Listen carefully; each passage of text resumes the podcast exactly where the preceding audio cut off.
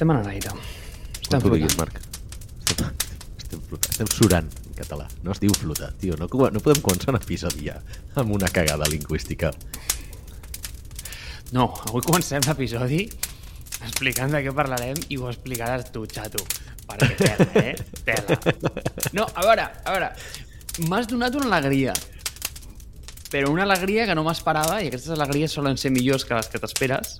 Sí, pensava que t'havia donat una, una decepció perquè avui havíem de fer un episodi en el que eh, els dos ens presentàvem com històries i coses sorprenents l'una a l'altra, però sense que l'altre ho sapigués i, evidentment, qui no ha preparat això? El servidor, aquí, jo. Eh, I aleshores doncs, diem, doncs anem a parlar de Tesla, que està d'actualitat, i crec que hi ha un, hi ha un bon tema, eh? Vull dir, hi ha moltes coses d'actualitat, hi ha moltes, moltes coses d'actualitat, o sigui, ara, doncs això, eh, tant la sortida eh, de Google amb el tema d'AI, també fotent fora eh, les startups espanyoles també fent fora, bueno, espanyoles, catalanes, Typeform i Wallbox, fotent fora a tot Cristo. Hòstia, eh, estem en un moment en un moment interessant. Però Tesla, Tesla, mira, avui t'ho diré, eh? eh? És un episodi molt improvisat, però sí que m'he preparat una cosa. M'he llegit un article, val? que ja és molt més del que faig cada setmana, que és que avui a la primera reunió del dia que tenia, doncs l'altra persona no s'ha presentat, era online, per tant, el mal menor, però no s'ha presentat i aleshores, doncs, lo típic, obres Twitter i fas uns minuts, val? però no s'anava presentant i jo anava llegint Twitter i dic, bueno, hòstia, sí que està trigant, no? I trobo un article molt bo, compartit pel Philip Gellis, el, el CEO de Cantox, que és de per què Tesla acabarà implosionant. I dic, bueno, ja està, típic clickbait, no? I m'he sorprès molt, eh? perquè està molt, molt ben escrit. És de, del Confidencial, que...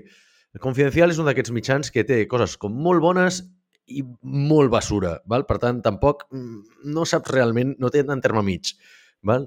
I me l'he estat llegint i crec que, tot i que peca de sensacionalista, crec que té coses molt, molt bones. Val? El, bàsicament l'article que diu és com la indústria està fent caure el, el gegant tecnològic que és eh, Tesla. Val?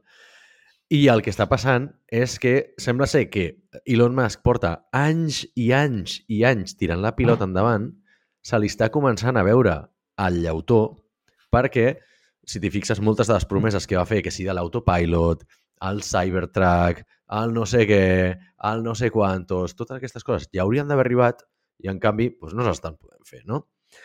Es piquen bastant amb el tema del Cybertruck, val? que és aquell vehicle que havia de competir amb els, no sé com es diu en català ni castellà, els SUVs, no? Els, eh, són mig camionetes, no? I que tenia, tenia una tenia una, o sigui, una, una, un, un look and feel, no? O sigui, una carcassa bastant com molt lletja, molt de videojoc dels anys 90 i que havia de ser el, el no sé, saps, una cosa indestructible i tot això, la van presentar com fa 3 o 4 anys, hauria arribat al 2000 21, si no recordo malament, i ara diuen que es començarà a produir potser a finals del 2023. No? El mateix amb l'autopilot, la conducció automàtica de, de Tesla, que tècnicament ja fa anys que t'hauria d'haver portat a tot arreu i està molt lluny d'això. Eh, o sigui que als Estats Units es pot fer servir en... Eh, hi ha modes per dintre ciutat, hi ha modes per autopista, però no acaba de funcionar ben els dos i, bueno, saps? És més aviat una conducció assistida una miqueta més vitaminada que no pas el, el full autopilot que també han promès. No? I, evidentment, també hi ha temes regulatoris, temes de software...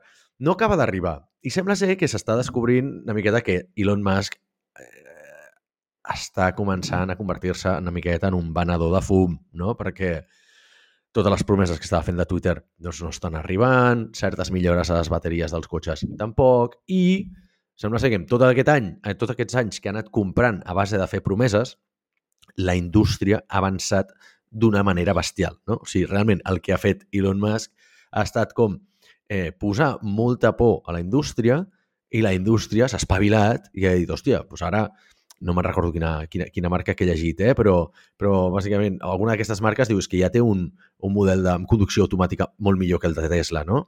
Eh, I fa pensar... O sigui, la reflexió que he fet és que sempre diuen que la, les startups tot i amb el benentès que Tesla no és una startup, fa molts anys que no ho és, les startups eh, han de disruptar aquests models de la indústria tradicional, tipus els neobancs contra els bancs, no? les fintechs contra els bancs, Insurtech contra les asseguradores, etc etc.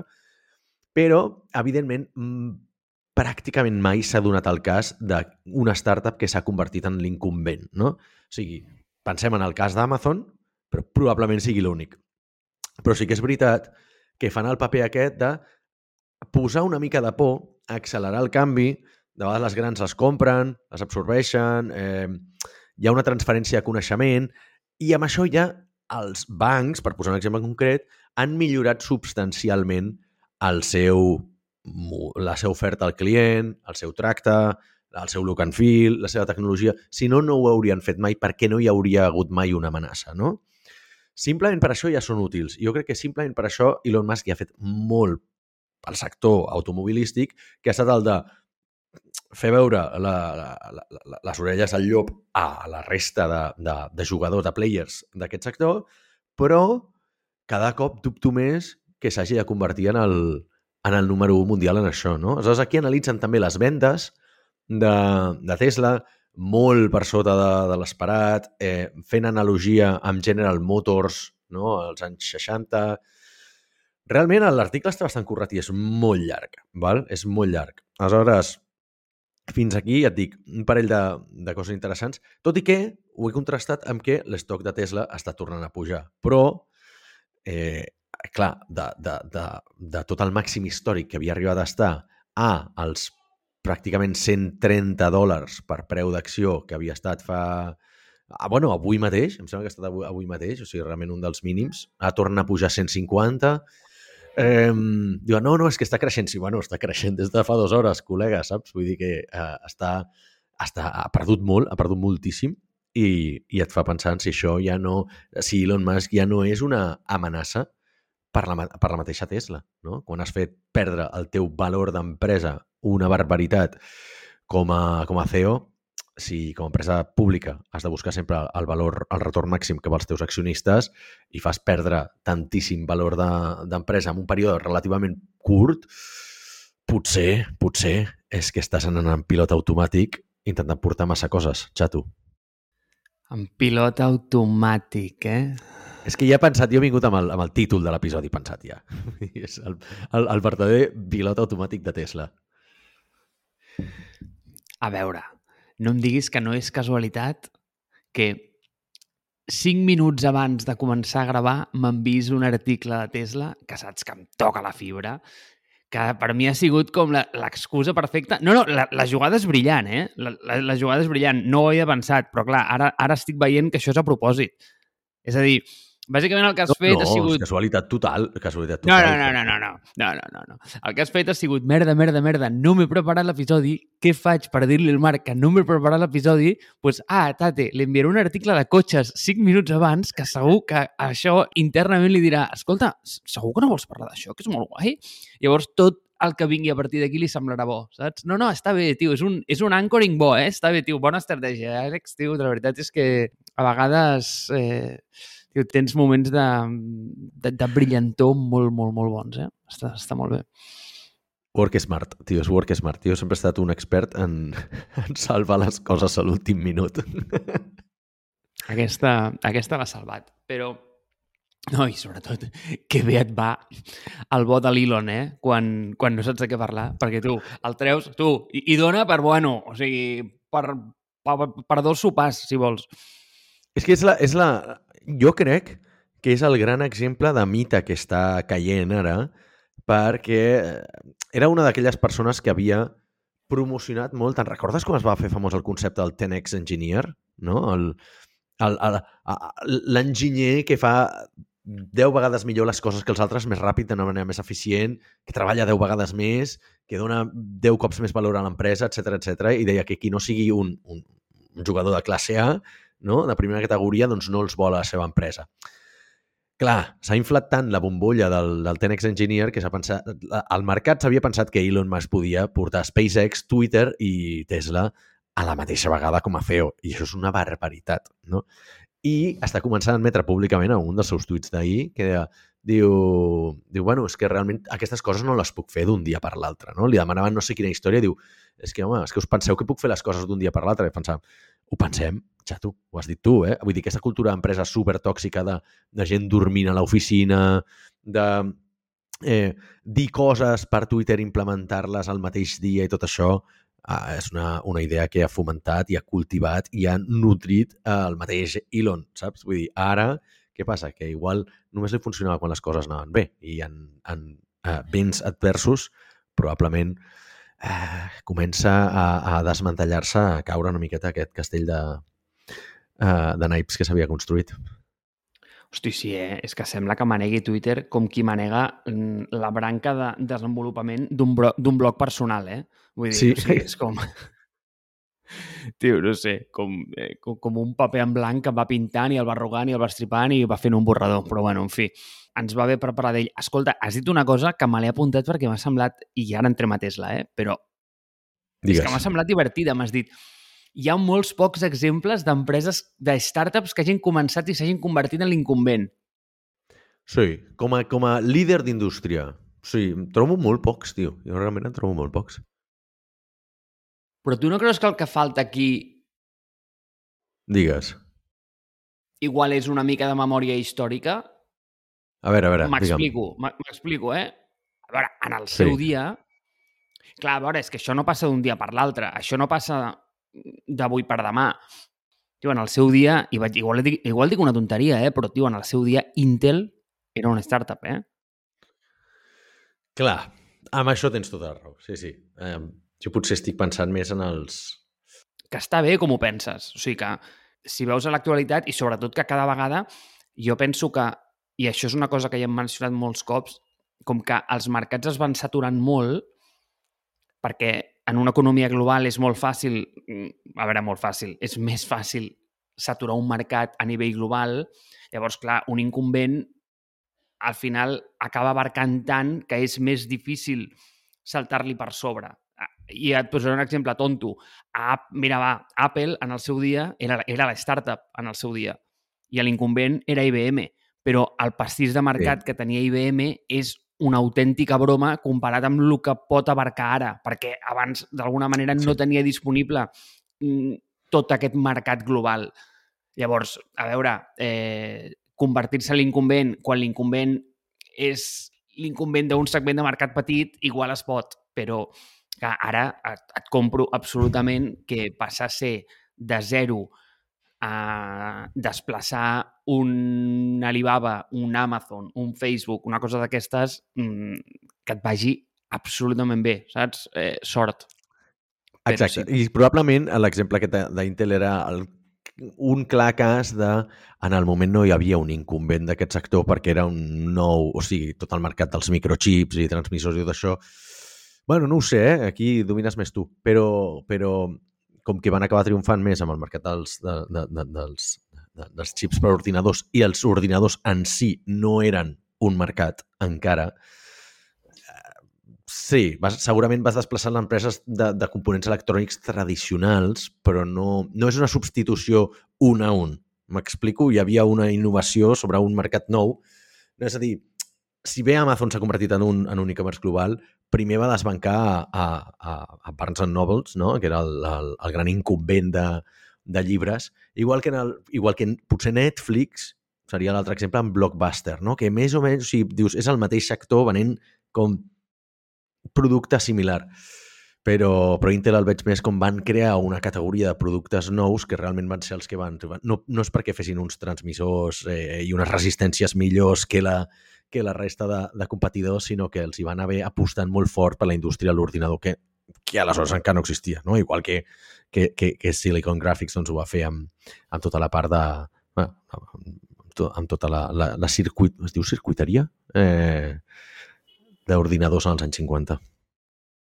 Sí, però fixa't, eh? Mira, mira, és que és interessant. I últim, abans de parlar de Tesla, que sembla que, tio, eh, sembla que jo avui no tinc ganes de parlar de Tesla, en tinc moltes, vale? Vull dir, ara entrarem, ara entrarem, ara ve el meu monòleg. Tranquils, tots tranquils, que ara ve, ara surt, ara surt, però fixa't el punt, fixa't el punt, que és bo. Abans era més fàcil captar, és a dir, ocupar tot el que l'incumbent estava agafant a nivell de, de tamany de mercat. I et poso l'exemple, no? Pues, si tu tenies com IBM i en el moment en què et surt mm, el mític Apple, et surt el mític Microsoft, d'alguna manera ells són capaços de bypassar el, el, el mercat, però bàsicament el que estàs fent és el mateix. És, és, eh, la categoria és a l'ordinador personal. És a dir, el que passa és que doncs, un el va fer millor que l'altre, no? I llavors hi ha molta gent que també pot dir que, doncs, que, doncs, que l'iPhone doncs, era un producte mm, disruptor en el seu dia, però que no va disruptar els telèfons mòbils, sinó que aquests d'alguna manera els va obsoletar, sinó que el que va a disruptar és l'ordinador personal. I, i realment és molt, és, és molt cert, és molt cert. Però molt cert. fixa't que ara, sí, i sobretot més a la part de, a la, a la part d'Orient. Aquí això no ho veiem tant, no? I aquí veiem com que l'ordinador és més un ciutadà de primera categoria, i, i veiem molts funnels de producte que, per exemple, la recerca comença en el, en el telèfon, però la compra d'un producte d'un preu raonable o gros acaba l'ordinador moltes vegades. Però, dit això, que era no relacionat, el que dic és que potser ara és més fàcil tenir aquesta entrada o disrupció o convertir-te en l'incumbent no a nivell de volum de mercat, sinó com agafant capes transversals d'una part del negoci. Et fico l'exemple el mateix d'Intel, però al revés. Intel, en els, històricament, era una companyia que va triomfar per integrar verticalment el disseny i la fabricació de xips. Però ara resulta que t'estan sortint dues coses. T'està sortint un competidor com TMSC que bàsicament és que et podria dir, és que estic seguríssim que és més gran que Intel a dia d'avui. Eh? Igual m'estic tirant a la piscina d'una manera acollonant, però ho tinc que mirar. Eh, que bàsicament el que et fa és únicament el, el fab, és a dir, la, la fabricació del, del, del xip, i això el que activa és com una capa de companyies que són totalment fables i que al final el que fan és di dissenyar xips. I llavors allà doncs, doncs ja, ja veus tota la capa de valor que tens, que tens ARM, que llicència, després agafes eh, players com Apple o com Qualcomm que agafen els dissenys i bàsicament el que fan és que els porten a fabricar, eh, però ja no ja, ja, ja no hi ha aquesta integració vertical. Llavors el que fas és que tu agafes el layer horitzontal i això és super interessant perquè al final estàs enviant a Intel a la merda igual, però d'una manera una mica diferent. És a dir, no és un sol player qui està entrant, sinó que t'estan laminant el negoci per capes i, i se l'estan quedant companyies que estan especialitzades. Aquest punt és interessant. Cosa que, parlant de disrupció, em porta a parlar gràcies eh, de Tesla. ¿vale? Perquè mm, tothom veu Tesla com la companyia superdisruptiva, da, da, da, da, da, i anem a veure. Anem, anem a donar una mica d'història, que això és guai. ¿vale? Fixa't. Tesla, en el més estricte sentit de la paraula, si et llegeixes el llibre el mític de Clay Christensen, el, el, de, el, de, el pare de la disrupció, no és una companyia dilema. disruptiva. Exacte, no és una sí. companyia disruptiva. Ah, Innovators no... Dilemmas. Sí. Innovators no Dilemma. No ho és, no ho és, no ho és, no ho és. O sigui, en cap sentit. Val? És a dir, si et fixes, tio, Elon Musk ha fet moltes coses bé, eh? però moltes. És a dir, aquí l'estem criminalitzant, però hosti, és un tio que està enxalat, tio, ha tingut un parell d'ous, no? I, i realment, eh, collons, ha fotut coses que dius, no, eh, si n'hi haguessin un parell, igual al món, eh, igual ens estaríem tirant missils, o igual no, igual eh, aniria molt bé la cosa, és que no ho sé. Però, a on vaig? Si tu realment vols entrar de manera obliqua i vols fer mal a una indústria, tens que atacar anem a segmentar això més a la indústria d'automòbil. Si vols entrar de manera disruptiva a la indústria d'automòbil, has d'atacar una cosa que Tesla no ha atacat, que és el model de producció, el model productiu de fàbrica. Totes les disrupcions mm -hmm. que hi han hagut a la indústria de l'automòbil, primer va ser Ford, després va ser General Motors, després parcialment Toyota, primer Ford amb la cadena de automatitzada de producció, d'acord? Després, General Motors amb el procés d'estampa. Després, Toyota, malgrat va seguir el procés d'estampa, ho va fer d'una manera una mica diferent i llavors va aplicar totes aquestes tecnologies àgils eh, i tot aquest, el que es coneix com eh, The Toyota Way. I mm, va introduir tantes diferències amb un mateix procés que pràcticament la planta de producció no tenia res que veure. Sobretot pel, per la introducció del concepte de just in time. És a dir, el, el, el procés estampa era molt semblant, la manera com s'aglutinaven els productors de segon nivell no ho era. I llavors això va, va, va crear un canvi molt gran als anys 80. I actualment els cotxes es segueixen produint exactament igual, independentment independentment de el, el motor propulsor que porti, sigui elèctric, sigui gasolina, d'hidrogen o de gas. ¿vale? Llavors, un Tesla, fonamentalment, es fabrica exactament igual que un BMW, un Mercedes o un Skoda. Exactament igual. Llavors, entrar aquí i pensar que tu pots disruptar una indústria sense canviar el mètode de producció és impossible. Llavors, com es veuria un, un producte que disromp la, la indústria de l'automòbil? Jo crec que es pot veure de dues maneres. O aconsegueixes un mètode de producció totalment nou i innovadors, i n'hi ha, eh? N'hi ha. I, i, I com es faria això? Per exemple, els materials, la, les resines de plàstic o els materials de carboni, eh, les, mm, les resines de carboni, com, com, la, fibra de carboni, permeten crear monocascs que ja no funcionen en procés d'estampa, sinó que són com cascs eh, sencers de, del cotxe. Hi ha algunes companyies que ho estan intentant. Una d'elles espanyola, per cert. I hi ha molts pocs cotxes fabricats així, perquè el procés és molt costós. Es fabricaria com una bici, d'alguna manera, no? Eh, però això seria una bona manera de disrompre aquesta indústria, perquè tu, per exemple, si tu ets Tesla, tu te'n recordes no, de la Gigafactory i tota la sí. eh, fàbrica bueno, que, ara, ara que parlem d'això, sí. Clar, és a dir, què és el que vols fer aquí? Aquí, com, com competeixes amb Toyota? Toyota, quan deploya una fàbrica, tio, la projecta a anys vista, que allà hi ha una, un càpex que s'ha d'amortitzar amb, bueno, amb segles, quasi.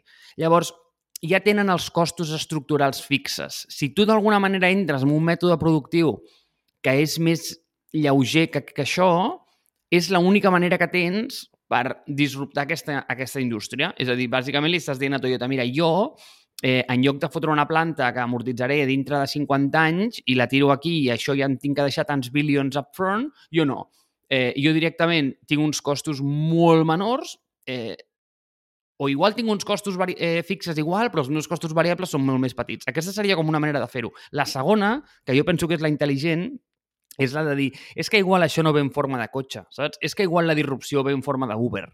I aquí començaria a pensar una mica més per aquí, o més amb, o bé en forma de mm, bicicleta elèctrica o moped elèctric. És que no ho sé, saps? Però igual també has de pensar com d'una manera més al nivell com es mou la indústria. I, i aquest punt és interessant. Malgrat, i ja tanco i, i veig que tens ganes de parlar d'això, em, em, em dona, em reconforta, és que és que, tio, Tesla ha fet moltes coses bones i crec que una de les coses bones que ha fet ha estat la de emputxar la mobilitat elèctrica de manera com cap companyia ho havia fet. Eh, perquè hi ha molt Exacte. poca gent hi ha molt poca gent que sàpiga que el cotxe elèctric va aparèixer molt abans que el cotxe de combustió.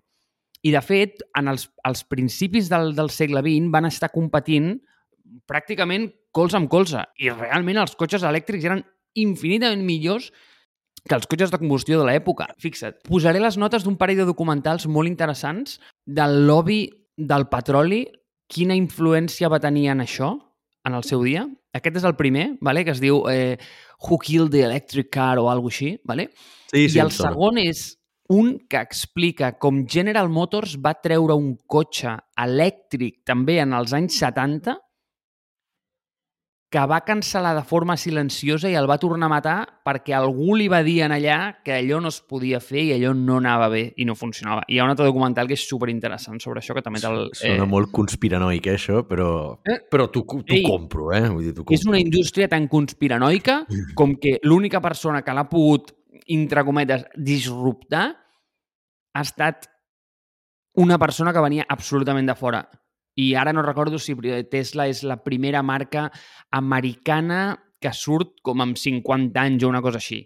Clar. Mm, eh, és un, és un monopoli absolut, no? Però, mira, una de les coses que van impulsar el cotxe de gasolina endavant no va ser tant el lobby del petroli, etc, etc, i l'abaratiment dels costos del, del petroli, que també va venir molt de la mà, sinó el poder-lo engegar amb una manivela. Perquè abans el cotxe requeria d'una persona sempre amb tu al costat, és com bastant estúpid, per poder-lo engegar. I, I també com era, era curiós, però digues, digues. Que probablement l'única gran disrupció que, que ha intentat... bueno, no, a veure, gran disrupció, m'equivoco, eh? Tu deies, s'havia d'atacar el model de producció. Jo crec que Tesla va fer una aposta molt forta per atacar el model de... de perdona, model de producció, eh? El model de producció perquè ells van decidir, contrari a la resta d'indústria, tenir-ho tot a casa, no? Pues amb la Gigafactory i tot això, i produint-se ells totes les peces, no comprant a proveïdors externs, que al final és el que fa tota la indústria, per un tema de eh, costos, um, economia d'escala, per un tema d'homologacions. El Tesla ha tingut bastants problemes amb certs productes que, al final, perquè ells tenen uns costos molt alts de producció en totes les coses que fan, doncs a, a Texas, als Estats Units en general, i perquè no ho compren, no ens enganyem, a Xina, eh, els hi surt el cotxe molt més car i aleshores per haver de baixar una miqueta els preus sí que hi havia alguns components que els van haver de comprar fora, no? I va haver-hi un cas en concret, que va ser el, el cas d'una de, les, de les pantalles, no? aquests mega iPads que els hi posen al, al Tesla per fer la pantalla tàctil, doncs que van posar unes pantalles que no estaven homologades per cotxe. Què passa? Que aleshores, clar, eh, les temperatures i a la incisió de la llum sobre aquestes pantalles es feia inusables en cotxes i, evidentment, és un perill, és un risc i són coses que, com tu bé sabràs, doncs, eh, el cotxe, per que estigui homologat, ha d'estar homologades totes les seves, totes les seves eh, peces no? en, en, en aquesta... I aleshores, trobo que va ser una aposta eh, com una opinió completament desinformada, ignorant i externa al, en aquest sector, que tot i que era bona sobre el paper, els hi ha sortit malament, no? Perquè després penses, dius, hòstia, però si al final Apple produeix a Xina i és una empresa que tenen el, a, com la fama aquesta aquesta eh, aura de, de, ostres, el hardware és preciós, el procés de fabricació, el disseny, que sempre diuen design in California, no? Saps? Però produït més a saber on. Però que al final et quedes amb el d'allò de dir, hòstia, és que el hardware funciona de puta mare, realment tot el packaging, tota l'experiència, ho pots aconseguir amb proveïdors externs. No? Altra cosa és que certs components, com Apple, els hagi decidit internalitzar, però no són la gran majoria. Són certs components estratègics, com quan s'han posat a fer doncs, els processadors i algun altre component dels seus eh, telèfons o ordinadors, no? però no són tots. I Tesla ho va intentar amb tots. Doncs clar, què passa? Que els hi costa moltíssim, per això els cotxes són tan cars i realment no poden produir ni a l'escala ni, ni de la, ni amb la competitivitat que poden els altres grans players que, si bé no tenien el coneixement fa 10 anys, ja l'han adquirit. I és més, segueixen podent competir en preu a la mateixa qualitat. Per què? Perquè ells sí que compren a proveïdors que venen a tots els players i és probable que el, el, el proveïdor que, que, que fa els materials dels volants, per dir alguna, un exemple tonto, és el mateix que li ven a totes les marques de cotxes. Per tant, pot vendre més barat i, i tenir una qualitat més alta. No? I en canvi Tesla li passa exactament el contrari. Ha intentat fer el típic cas de per què el comunisme no funciona? Doncs perquè probablement si els teus, tots els teus veïns eh, no el fan servir, doncs és inviable, no? Com a un país aïllat i que a sobre et fan, et fan eh, et fan, eh, com es diu això, boicot, doncs probablement aquí a Tesla li està passant exactament el mateix. Per voler-s'ho cuinar ell sol, doncs al final no po eh, acabarà no podent competir. No? I aleshores aquí la predicció que fa l'article aquest és a dir, o treuen més models de cotxes o no podran competir perquè s'estan quedant només amb, el, amb, els, amb els dos que tenen i poca cosa més, perquè el Cybertruck sembla que no ha de sortir i sembla que no han acabat d'arribar totes aquestes innovacions i que fa molts anys ja que no treuen alguna cosa completament innovadora, s'han quedat eh, doncs una miqueta amb la fama que els hi va donar fa 10 anys, quan van començar a treure coses que realment eren innovadores. Però recordem que des de ben al principi Tesla era bastant conegut per fer coses com, per exemple, el tema de els, el terra dels cotxes amb, amb, bateries de, amb bateries de portàtils, no? Vull dir que aquesta reutilització és una miqueta una miqueta, una miqueta... Crec que és paradigmàtica i explica bastant uh, aquest tema. Tio, és superdivertit el rotllo aquest de que com que la història no es repeteix, però sí que rima, saps? Fixa't que la història aquesta d'integrador vertical versus integrador horitzontal És, és la mítica història que dius, hòstia, aquesta pel·lícula ja l'he vist 30.000 vegades, no? O sigui, com quan algú entra Clar. a una indústria s'obsessiona amb controlar tots els... Com es diuen eslabons? Um... Eh, no t'ho sabré dir ara, però... Mm. Em surten com esclaves, però no és això. Mm, no t'ho sabria dir, però bueno, en qualsevol cas. Val.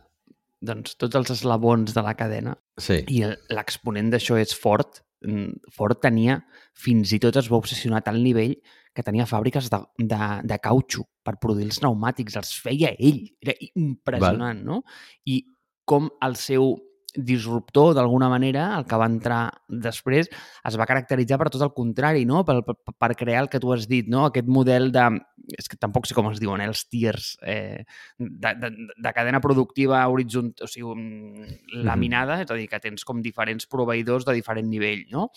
Igual també, bueno, has posat un exemple molt bo, que és el d'Apple, que sí que és cert que té aquesta integració entre hardware i software, però malgrat, tio, però si tu mires l'iPhone, hòstia, és un producte que està molt laminat també, perquè al final ells, és el que tu dius, ells no construeixen res, demanen les memòries de Samsung, les pantalles LG, ells, però saben molt bé on integrar-se. Per exemple, doncs el, el, el tema dels xips, no? com que és un tema tan core, només Apple té els xips, els mítics M1, M2, A15, A14, bla, bla, bla, no? I, i, i aquí Sí. realment s'integren i és, és interessant.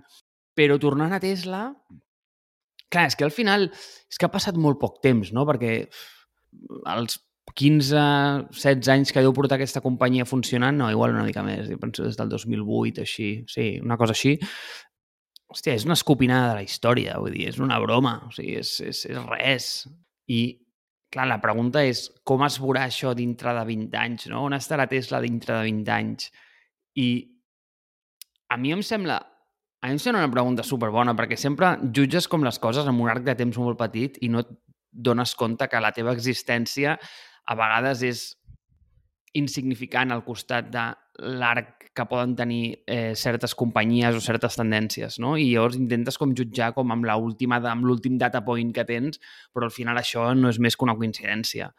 I, i tio, a mi m'encantaria poder mirar per una finestra i pensar, tio, a com serà la indústria de l'automòbil dintre de 50 anys, no? I segur que no tindrà absolutament res que veure. Però en el cas de Tesla, a veure, jo crec que va aconseguir una cosa molt interessant, que és que amb un producte elèctric va crear una marca de cotxes que és un producte que viu molt del prestigi. Això és molt difícil, eh? és com crear una marca de moda a, a dalt de tota la cadena de valor. És a dir, posicionar una marca de rellotges és molt complicat, perquè tens la part de dalt de la piràmide totalment enquistada, no? I d'alguna manera mm, va començar amb, aquests, amb aquesta idea d'un cotxe caríssim, que, era, que al final era, era un Lotus Elise, era el xassis d'un Lotus Elise amb un, amb un motor elèctric. I amb totes Mhm. les peces llicenciades de fora, vull dir, era un cotxe... La història que és, és boja, el, la, del, la del Tesla Roadster.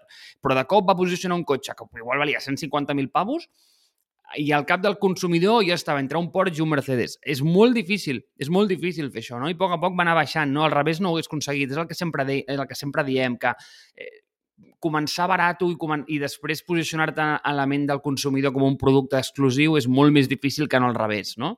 Però és que el fort és que el tio va dir.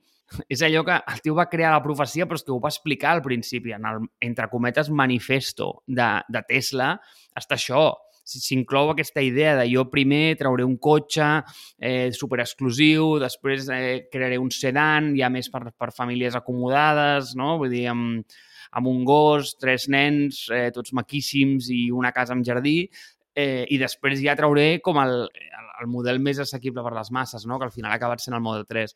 Però eh, ell, ell ja ho va anunciar i ja ho va explicar i és interessant. El problema és que, clar, jo crec que es va donar massa... O d'alguna manera es va, jo penso, es va infravalorar que la indústria actual es pogués reinventar. I realment ho ha fet. Val, clar, exacte. De fet, a mi em sembla molt, la, em recorda molt a la faula de la llebre i la tortuga, no? Que, que uh, clarament Tesla ha estat la llebre en el que ha dit, va, jo els hi, fotré, els hi donaré una pallissa perquè puc córrer molt, puc innovar molt, m'ho produiré tot, eh, tenen diners infinits perquè el Venture Capital s'ha volcat amb una empresa com Tesla, etc etc, fitxar enginyers, van... Una cosa que fan bé, evidentment, totes les startups, el tema aquest de qüestionar si l'estatus quo encara és rellevant o no, és a dir, necessito això, necessito això altre, necessito tant personal d'aquest tipus, necessito oficina, no la necessito, i segurament han estat molt més eficients, han pogut arribar a produir coses que les altres empreses els hi va portar 50 anys, no? El, el tio, amb no sé quants anys de SpaceX, ha aconseguit llançar coets a l'espai amb una eficiència, amb un cost infinitament més baix que el de el, grans players establerts de, d'aquest sector, però sembla ser que s'ha acabat adormint, no? Perquè eh, una de les coses que a mi sempre m'ha fet molta gràcia no? de Tesla, que és el tema de eh, l'any que ve arribarà el, el tema de la, de la conducció autònoma. Ho porta dient des de 2014 i encara doncs d'aquí poc farà 10 anys. Aleshores, clar, és el que deia, ja no és una startup. I jo me'n recordo que quan Tesla o quan jo començava l'empresa, no? cap allà el 2014, preguntava, jo compartia pis amb un, amb un dels meus millors amics alemany que treballava a Mercedes, val? per aleshores, i, i li vaig preguntar, escolta, això dels cotxes elèctrics, perquè ell coneixia els fundadors de Wallbox, havia estudiat amb ells i tal, i, bueno, i parlàvem del tema, no? I a mi els cotxes ni em venen ni em van, m'interessen relativament poc, però sí que és veritat que ho veia com una invenció interessant. I recordo que anar parlant amb ell amb els anys sempre deia, diu, diu no, no, si els grans incumbents no ho faran mai, això, o ho fan, ho planifiquen a 10 anys vista, no? I me'n recordo que era que era, que era com 2018 o 2019, que el vaig anar a veure a Alemanya, i em va dir, i em va dir, diu, bueno, ja estem fent els, els primers prototips i no sé què, i, i clar, Tesla ja estava molt avançat amb això, jo ja coneixia bastanta gent que tenia Tesla als Estats Units, no? I el 2018-2019 em deia, no, això com a molt començarem una prova pilota el 2023, eh, no creiem que es produeixi abans del 2024, i jo pensava, dic, buah, és que així eh, us passaran la mà per la cara. I ara estem a 2023 i penso, hòstia, potser seran ells els que els hi passaran la mà per la cara. Perquè sembla que van a poc a poc, però van complint, no?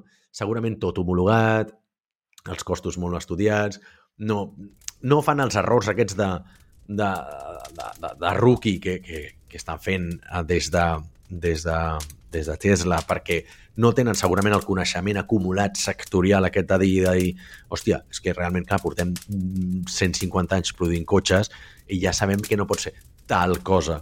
Val? Llegi, en aquí l'article parlen molt del tema dels angles del, del Cybertruck, no? que és un cotxe com molt angulós. I diu, és que això a nivell de producció no hi ha cap proveïdor al mercat que te pugui fer, saps? Si hi ha un, si hi ha un motiu pel qual els cotxes no són gaire angulosos, són més aviat arrodonits i tot això, hi ha un tema, no?, allà, de, de, de tema de, de, de l'estampació. I dius, hòstia, a tota aquest, aquesta cantarella de l'any que ve arribarà, l'any que ve arribarà, l'any que ve arribarà, doncs al final el que arribarà és que doncs, eh, Mercedes, com el que deia aquí, no? si, per exemple, Mercedes i Volvo ja tenen tecnologia de conducció autònoma molt millor que la Tesla, no? Home, doncs de cop i volta ja són dos que t'han passat el, la mà per la cara, no? T'estan sortint molts competidors a, a Xina, que probablement inclús algun d'ells ja sigui més gran que Tesla, no? Eh, no ho sé, com que d'alguna manera se segueix abanderant com el, el líder d'aquest sector, però probablement ja no ho sigui. No? També és una cosa molt, molt americana. És probablement una gran empresa de màrqueting i ja no sé si al final la tortuga li ha acabat passant la, la mà per la cara a la llebre en aquest